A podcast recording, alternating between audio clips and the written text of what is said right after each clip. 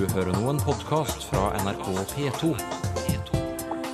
nrk.no-podkast.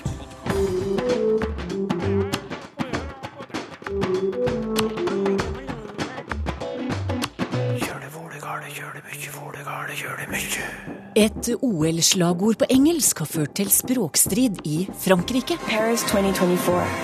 Made for sharing. Og hvorfor bruker vi uttrykket 'ikke sant'? De eh, vil ha en bekreftelse fra samtalepartneren. Så kan det også selvfølgelig brukes manipulativt, og dermed skape en liksom-enighet. Vel møtt til Språkteigen. Et OL-slagord har ført til språkstrid i Frankrike. Paris vil arrangere sommer-OL i 2024 og har lansert slagordet 'Made for sharing'. Men et slagord på engelsk har fått franskmenn til å reagere. Tre språkorganisasjoner har tatt saken til retten. OL-slogan Made for sharing det var redan en simpel pizzareklam nyligen, sier pensjonæren Alain. Engelsk er ikke bare Shakespeares språk, utan det symboliserer även Donald Trump numera. Og det kan vi bare ikke stödja, mener unge universitetsstudenten Carl. L'anglais, c'est pas forcément Shakespeare, c'est aussi surtout Donald Trump maintenant. Här på Boulevarden i Paris centrum pågår ett litet idrottsevenemang för att slå ett slag för OL i Paris. Här syns slogan Made for sharing enbart på engelska. Non, ça me dérange pas du tout. Euh, Non, non, ça me dérange pas. Bah moi je trouve que ça montre un peu une sorte d'ouverture d'esprit. Gymnasieeleverna Charlotte och Joanna tycker att de engelska orden är en kul internationell slogan. Fast pensionären Jacqueline tycker att i och med Brexit så borde man propagera mer för franska nu. Dessutom har vi en lag som försvarar vårt språk, påpekar hon. On a la loi. On a la loi pour nous. ikke Je vois pas i que, pourquoi euh, on en France. Ja, sedan 1994 finns språklagen Toubon uppkallad efter politikern Jacques Toubon. Den innebär att det franska språket ska skyddas i officiella statliga sammanhang. Tre kända språkorganisationer har nu gått till domstol mot den franska OL-kommittén. De kräver att slogan på engelska, Made for sharing, tas bort i alla franska sammanhang. En av organisationerna är ASLAF och jag träffar deras Philippe Loubière, universitetslektor på Sorbonne-universitetet och författare. Polyglott, som talar ett tiotal olika språk. Les organismes de droit public en France ont l'obligation légale de s'exprimer dans la langue de la cité. Slogan visas till exempel till och från på Eiffeltornet, som är en nationalsymbol. Så ska det bara inte få gå till, tycker Loubière. Över 90 medlemmar i OL-kommittén från ett 60-tal länder ska rösta mellan Paris och Los Angeles om vem som ska få organisera OL 2024. Paris 2024. Made for sharing. Ska vi vinna måste slogan vara på engelska, hävdar Tony Estonguet, en av cheferna for OL-komiteen til fransk TV. Made for sharing parce que on a aussi bien conscience que pour aller gagner, il va falloir assumer qu'on va devoir parler anglais. Voilà. Språkförsvararna som nu gått till domstol har fått kritik av vissa politiker och journalister. Kritikerna hävdar att språkpoliserna lever kvar i det förgångna i en tid då Frankrike var en stor men odräglig kolonialmakt och där en stor del av befolkningen tvingades tala franska. Men den kritiken tycker språkorganisationens Philippe Loubière är orättvis. Men qui colonise qui aujourd'hui Euh, C'est le monde anglo-saxon qui veut coloniser le monde. Ja, men det är ju den angloamerikanska världen som försöker kolonisera hela vår planet med sitt engelska språk, säger Loubière och understryker att det är helt okej att presentera den engelska slogan, men för utlandet. Den franska OL-kommitténs advokat Thierry Vallat kan dock inte förstå att hela tre språkorganisationer går till domstol eftersom slogan skapats på både engelska och franska. Han medger dock att det främst är den på engelska som används även i Frankrike. Även om många känner att franskan är hotad beräknas språket ändå få ökad betydelse i Europa, tror många. Och orsaken anses vara Brexit. Le pari que je fais, c'est que le retrait des Britanniques euh, risque de faire basculer Kände journalisten Jean Quatremer korrespondent i Bryssel, slår vad om at franskan, eller tyskan, kommer att vinna i betydelse i EU när Storbritannien snart beräknas överge unionen. Men alla är inte så säkra på att Brexit kommer att hjälpa franskan. En av dem är Mona Elseth, fransklärare och chef för den norska sektionen på Lycée International, en internationell gymnasieskola utenfor Paris der man legger stor tonvikt ved studier på fransk? Eh, nei, dessverre så tror jeg ikke det. Fordi at eh, fransk er et veldig vanskelig språk, både å skrive og snakke. Og engelsk er så godt fundert i eh, alle utdanningssystemene innenfor Europa, så vel i skandinaviske land som i de andre landene. Sånn at jeg tror at engelsk har befestet sin posisjon som språket i Europa. Johan Tolgert var vår reporter i Frankrike. Og Eivind Nessa Torgersen, du er professor i engelsk språk ved NTNU. Og først til det som skjer i Frankrike. Hva tenker du om den språkstriden? Jeg kan jo forstå at franskmenn eh, reagerer en, del på det. No, noen i hvert fall for uh, i, løpet av de seneste årene så har uh, fransk mistet en sin posisjon de hadde. Den var jo ganske sterk inntil ja, på 30- og 40-tallet. Men så, eh, etter annen verdenskrig, så er det, er det, egentlig bare engelsk som har hatt en, en rolle som, som, verdensspråk. Og eh, engelsk er jo et språk omtrent eh, alle i verden i dag eh, kjenner til. Og eh, det brukes blant folk som eh, ikke snakker et felles språk, til interkulturell kommunikasjon. Og da er det jo ganske naturlig at OL Eh, har sitt eh, slagord på engelsk, selv i Frankrike. Men altså, tre språkorganisasjoner i Frankrike tar OL-komiteen til domstolene. Det er jo litt dramatisk språkstrid, da? Ja, men med en gang eh, språkstrid blir veldig fort veldig ampert. Det er jo bare å se i vårt eget land, det, hvis noen begynner å snakke om ulike norske dialekter, eller nynorsk bokmål, eller norsk og samisk, så blir det jo, eh, blir det jo fort, eh, fort rabalder. Det er litt sånn, fordi du har Språk er en viktig del av deg selv, din egen identitet. og Hvis noen ser at, at det blir truet, så blir det fort eh, bråk. Men tror du at fransk vil få en sterkere stilling i EU da, pga. brexit? Det har jeg ikke noen særlig tro på. fordi i Europa i dag så brukes engelsk som kommunikasjonsspråk mellom folk som ikke kan hverandres språk, og det vil jo ikke endre seg etter at Storbritannia ikke er med i EU. Så engelsk eh, brukes jo eh, blant folk i EU eh, fra Øst-Europa, fra Skandinavia. Og Irland er jo fremdeles med i EU, og Irland har jo engelsk som offisielt språk. Så det tror jeg ikke vil endre seg i det hele tatt. Men det var en del medieoppslag om at EU-kommisjonen ville styrke bruken av tysk og fransk etter brexit, i presseuttalelser og taler annet. Men det har ikke skjedd, det, altså?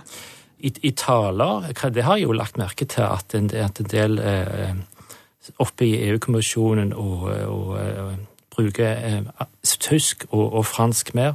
Men eh, du må jo se på de eh, andre folkene fra de andre land. og de, Det er jo ikke mange av de som kan verken tysk eller fransk. Og de trenger jo engelsk som kommunikasjonsspråk. En ting er jo hva altså, offisielle dokumenter eh, publiseres på. Det kan jo være at de vil gå over til mer fransk og mer tysk. Men det viktigste er jo det språket som brukes som kommunikasjonsspråk, ikke dokumentene. Du nevnte det med at eh, fransk har vært i tilbakegang. Eh, hvordan ser vi dette her? Du kan se f.eks. på en del europeiske organisasjoner som har gjerne likestilt fransk og engelsk i offisielle sammenhenger men som mer og mer eh, får fransk i, i, bakgrunnen og brukes mindre i offisiell sammenheng. Det Fotballforbundet, eh, Den olympiske komité, eh, Nato. og og mer eh, eksotiske ting som det, Den europeiske jernbaneunionen.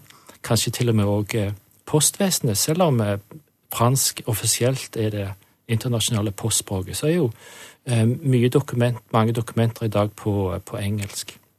Hvordan ser vi dette her, da? For eksempel, hvis du tar Fotballforbundet, da. Hvordan ja. ser du at fransk er i tilbakegang?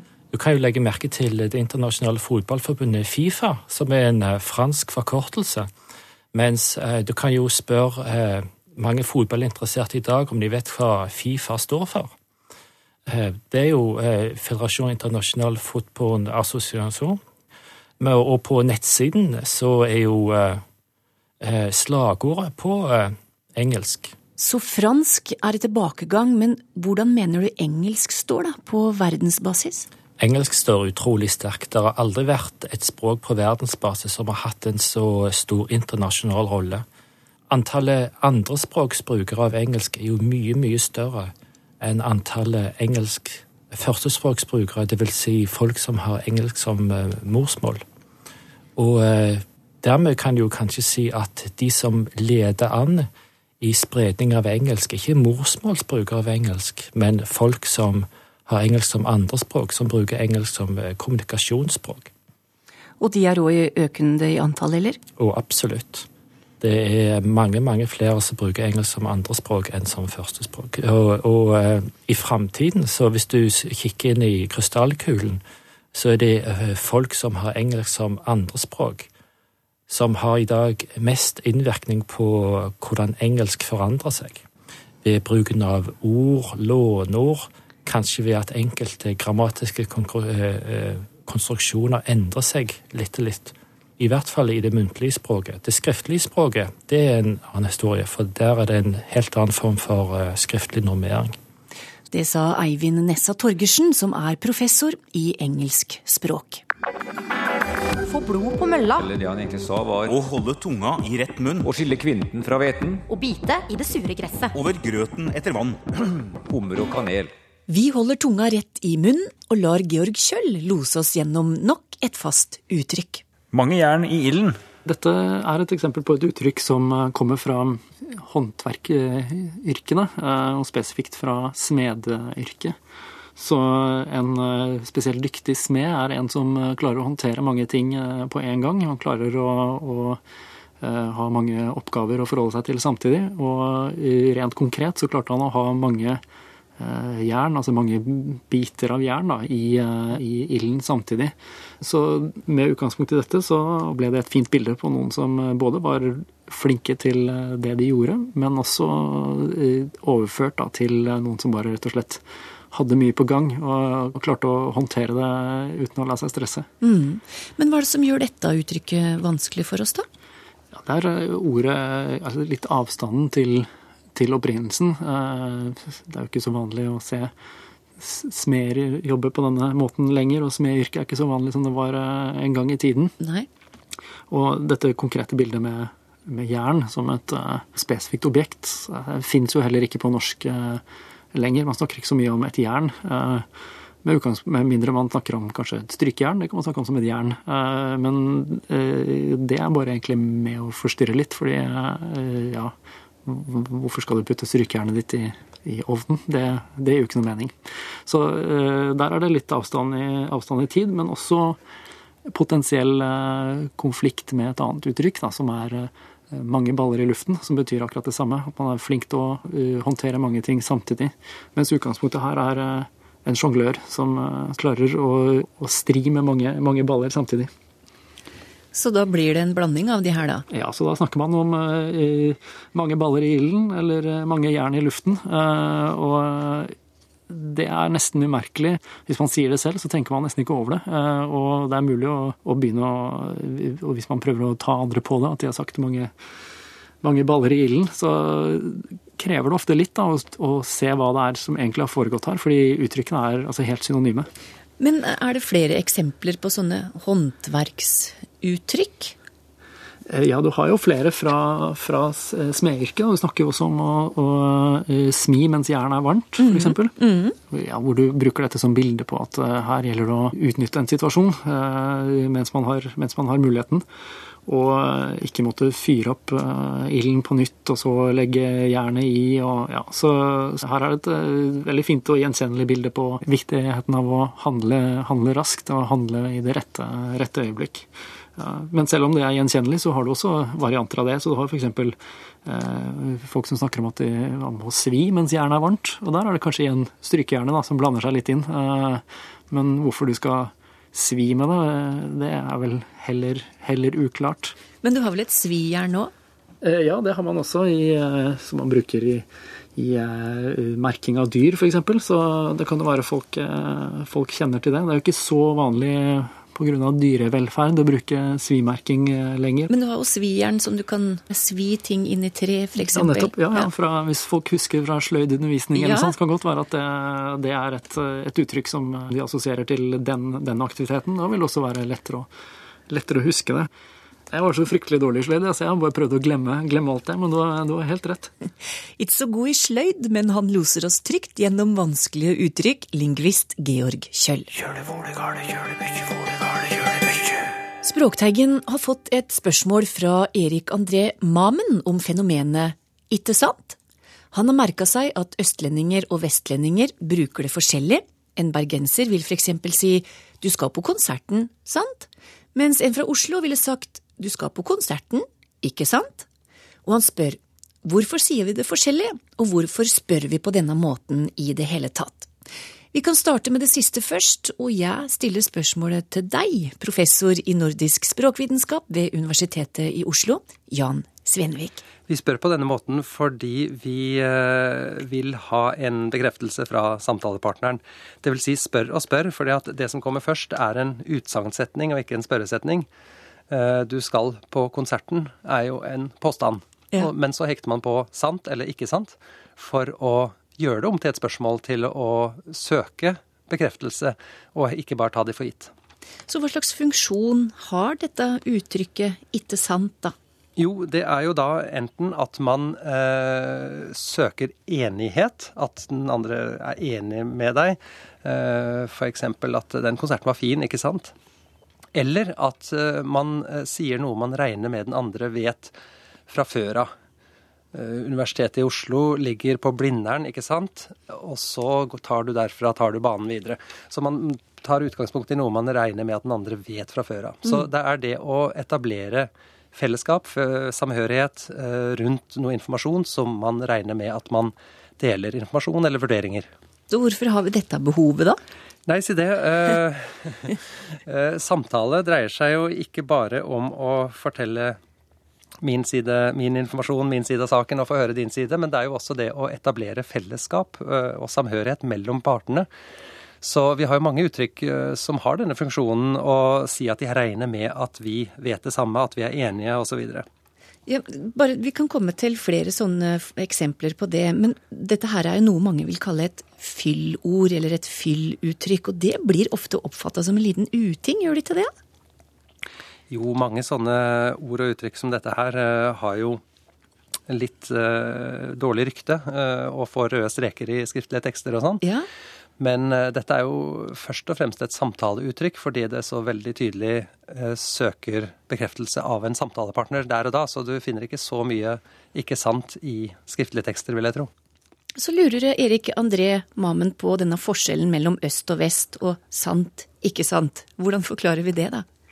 Ja, det er nok eh, bare et ikke sant som er blitt litt forkorta i muntlig språk. Det er nokså vanlig det at man med sånne fraser som man bruker ofte, eh, reduserer dem litt. Grann. Ja. Så jeg vil jo tro at eh, vestlendingene her har uh, starta ut med ikke sant, og også forkorta det til sant.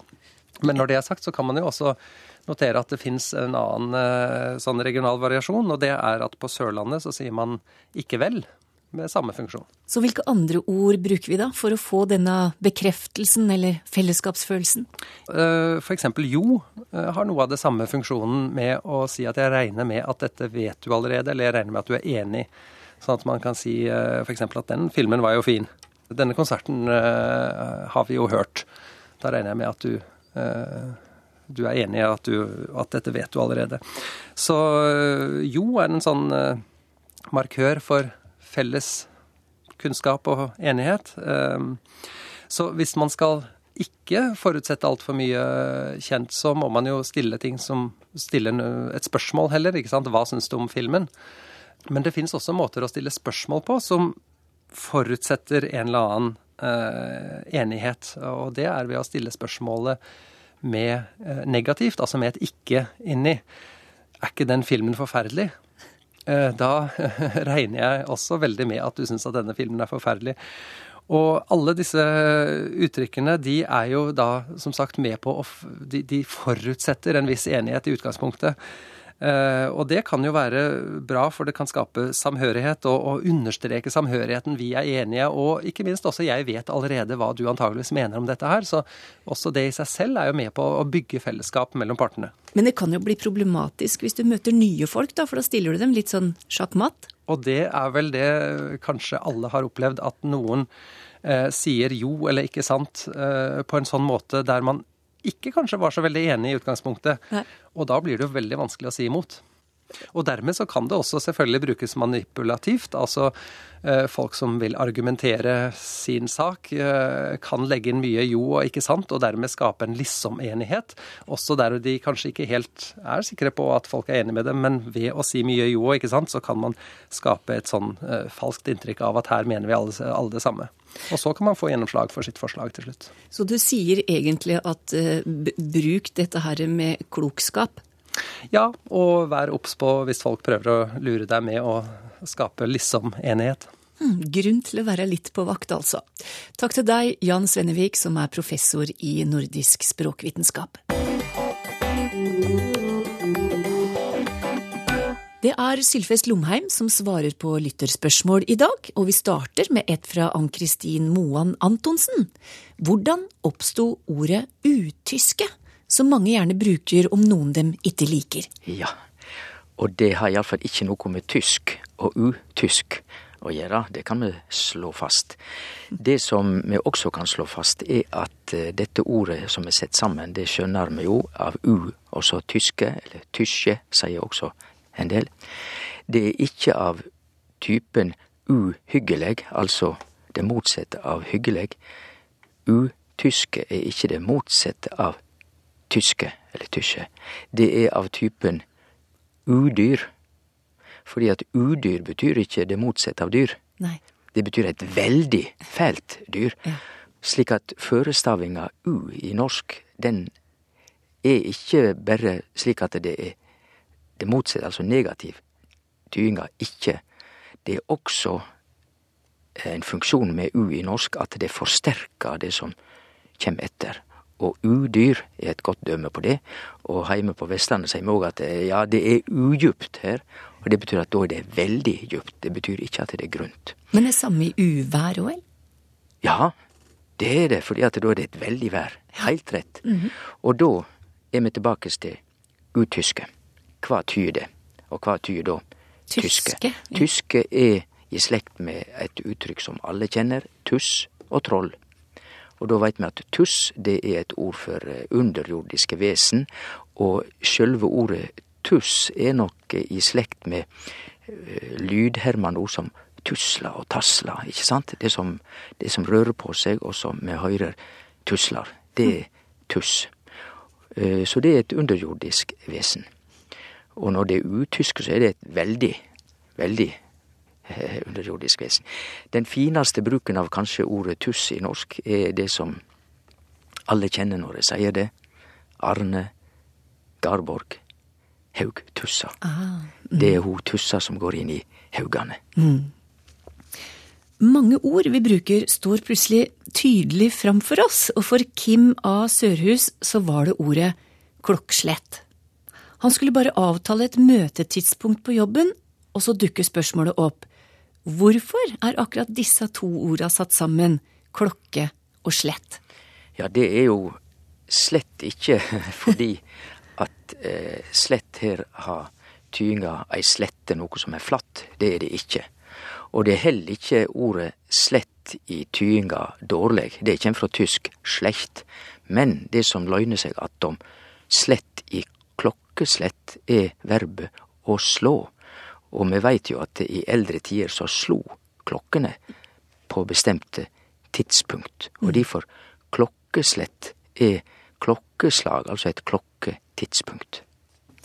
Heter det fastelavn eller fastelavn, spør Anne Mette Steinsholt. Hun sier at hun hører veldig mye fastelavn, men mener det er feil. Og hva er forresten opprinnelsen til ordet? Først uttalen. Uttalen fastelavn, der vi hører en e-lyd mellom v og n, den er helt korrekt. Det er vel egentlig slik vi bør uttale det. Men skrivemåten i ordboka, om vi slår opp, så er det faste la v-n uten e, altså lavn. Mhm. Uh, men det er jo ikke så lett å si lavn, faste lavn, så uttalen er som sagt faste laven. Og uh, vi må ikke dele ordet slik faste og så laven. Nei. Da er vi ikke på sporet av hva dette kommer ifra. Det må deles fastel aven. Fordi at aven er det samme som det kjente tyske ordet for kveld, nemlig abent. Og aven er en tysk variant eh, fra en tysk som er nærmere oss i Norden. For vi sier ikke verken abent eller afen, men vi sier aftan. Ja, julaftan. Ja. Nyttårsaftan. Og det veit jo alle at det betyr nyttårskveld, julekveld. Så eh, fastelavn betyr rett og slett fasteaftan. Kvelden før fasten tek til. Og eh, i katolsk tid så var jo fasteperioden eh, fra vinteren og fram mot påske, det var en veldig viktig eh, religiøs periode. Og de feira jo voldsomt før fasten begynte, fordi at under fasten så var det veldig strengt, men de kunne ete og drikke og kose seg like fram til fasten begynte. Så det er jo ikke for ingenting med fastelavnsboller med både vispa krem og søtt og sukk, og det er jo så godt at, ikke sant? Ja. Og det er jo derfor òg at eh, blåmåndag har vi fra denne tida, fordi at første måndagen i fasten, da var alterduken eh, pynta med en blå eller fiolett duk. Det var liksom fargesymbolikken på den duken som lå på alteret når fasten hadde begynt. Og da skjønner vi at eh, i og med at de festa veldig den helga før fasten skulle begynne, så var det mange som hadde såkalla blåmåndag. Altså de, den blåmåndagen ble et synonym òg at eh, folk kjente på kroppen at de hadde festa litt hardt. Men det skriver seg altså fra alterduken som var blå. Er det forskjell på interreaksjona uff og huff, spør Erling Haraldsen, som har diskutert eh, dette med flere, uten at de blir enige. Og de kan godt bli samde straks, fordi at det er ingen skilnad på uff og huff. Det eneste er at huff inneholder en lyd til, så det blir litt lengre huffelyd. Huff. Interjeksjon er jo fremmedordet for utropsord som vi har i norsk, og disse orda uff og huff, de er lydhermende med huff, huff, huff. Slik er det. Mm. Så um, det er svaret. Det er ingen skilnad. Takk til deg, Sylfest Lomheim. Med det er Språkteigen slutt for i dag. Vi høres. nrk.no podkast.